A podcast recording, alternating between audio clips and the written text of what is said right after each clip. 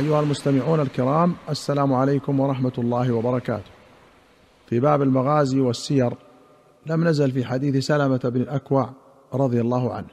قال خرجت من المدينة أريد الغابة قبل أن يؤذن بالأولى، وكانت لقاح رسول الله صلى الله عليه وسلم ترعى بذي قرد، فلقيني غلام لعبد الرحمن بن عوف فقال أخذت لقاح رسول الله صلى الله عليه وسلم، فقلت من أخذها؟ قال غطفان فصرخت ثلاث صرخات يا صباحاه فأسبعت فأسمعت ما بين لابتي المدينة ثم خرجت في آثار القوم أرميهم بالنبل وأرتجز. أقول أنا ابن الأكوع واليوم يوم الرضع.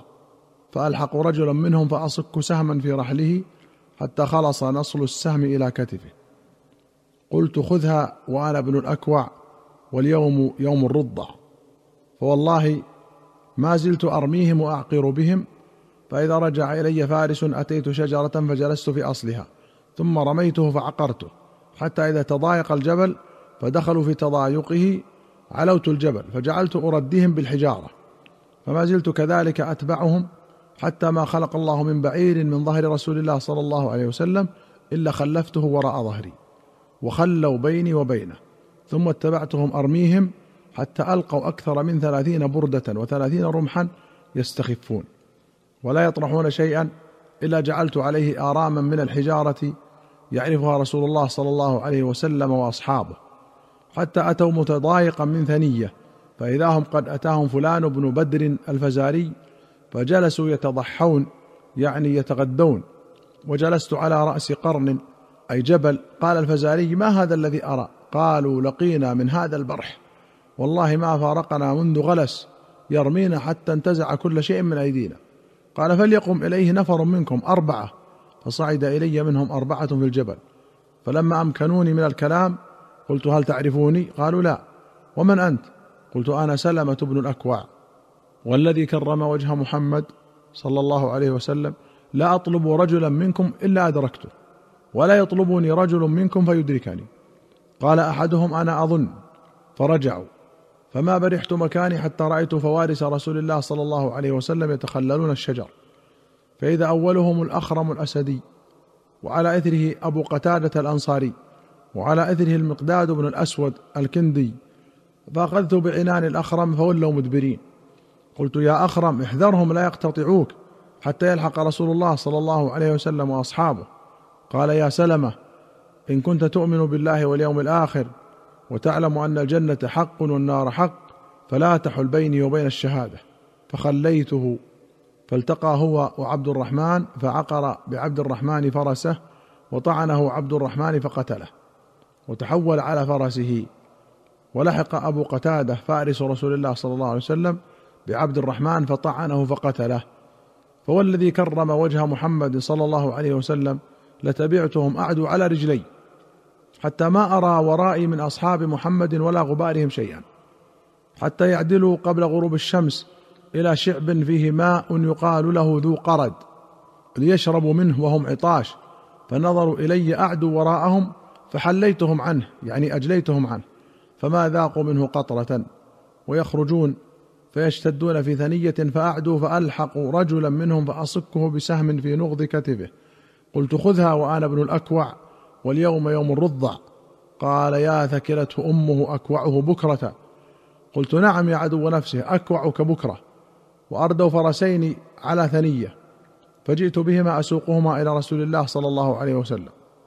ولحقني عامر بسطيحة فيها مذقة من لبن وسطيحة فيها ماء فتوضأت وشربت.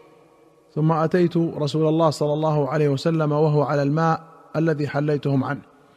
فإذا رسول الله صلى الله عليه وسلم قد أخذ تلك الإبل وكل شيء استنقذته من المشركين وكل رمح وبردة وإذا بلال نحر ناقة من الإبل التي استنقذت من القوم وإذا هو يشوي لرسول الله صلى الله عليه وسلم من كبدها وسنامها.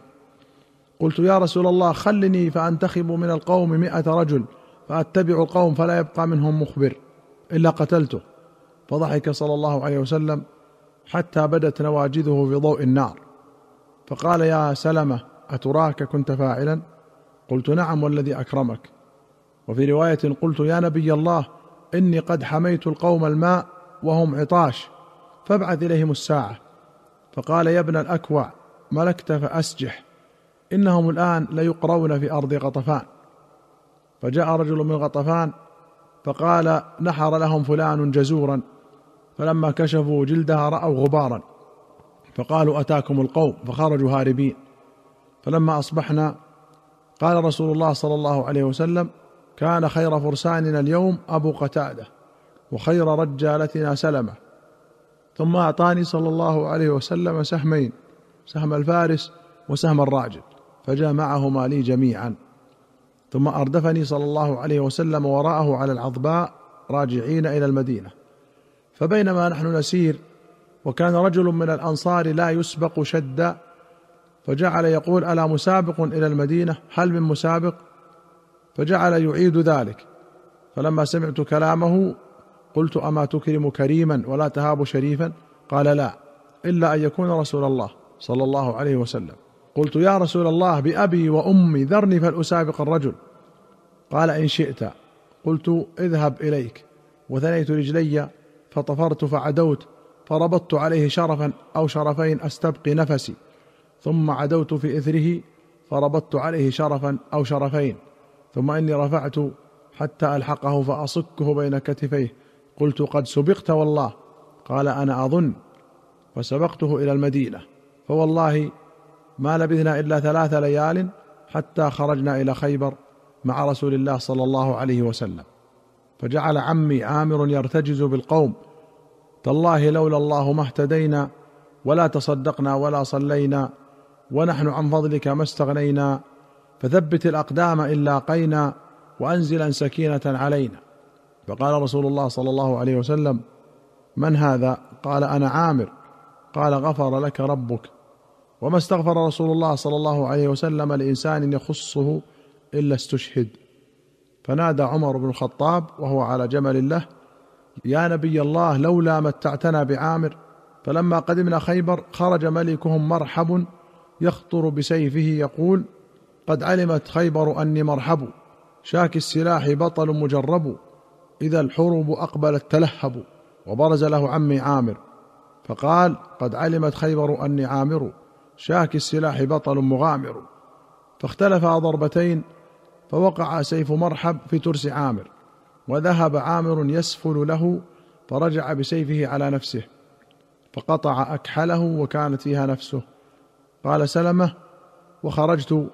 فإذا نفر من أصحاب رسول الله صلى الله عليه وسلم يقولون بطل عمل عامر قتل نفسه فأتيت رسول الله صلى الله عليه وسلم وأنا أبكي. فقلت يا رسول الله بطل عمل عامر. قال صلى الله عليه وسلم من قال ذلك؟ قلت ناس من أصحابك. قال كذب من قال ذلك بل له أجره مرتين. ثم أرسلني إلى علي وهو أرمد فقال لأعطين الراية رجلا يحب الله ورسوله ويحبه الله ورسوله. فأتيت عليا فجئت به أقوده وهو أرمد حتى أتيت رسول الله صلى الله عليه وسلم فبصق في عينيه فبرأ وخرج مرحب فقال قد علمت خيبر أني مرحب. شاك السلاح بطل مجرب. إذا الحروب اقبلت تلهب فقال علي أنا الذي سمتني أمي حيدرة. كليث غابات كريه المنظرة. أوفيهم بالصاع كيل السندرة. فضرب رأس مرحب فقتله. ثم كان الفتح على يديه. قال الحميدي في هذا الحديث من ذكر الإغارة على السرح وقصة عامر وارتجازه وقول النبي صلى الله عليه وسلم لاعطين الراية ما قد اتفق البخاري معه على معناه لكن فيه من الزيادة والشرح ما يوجب كونه من أفراد مسلم فأفردناه.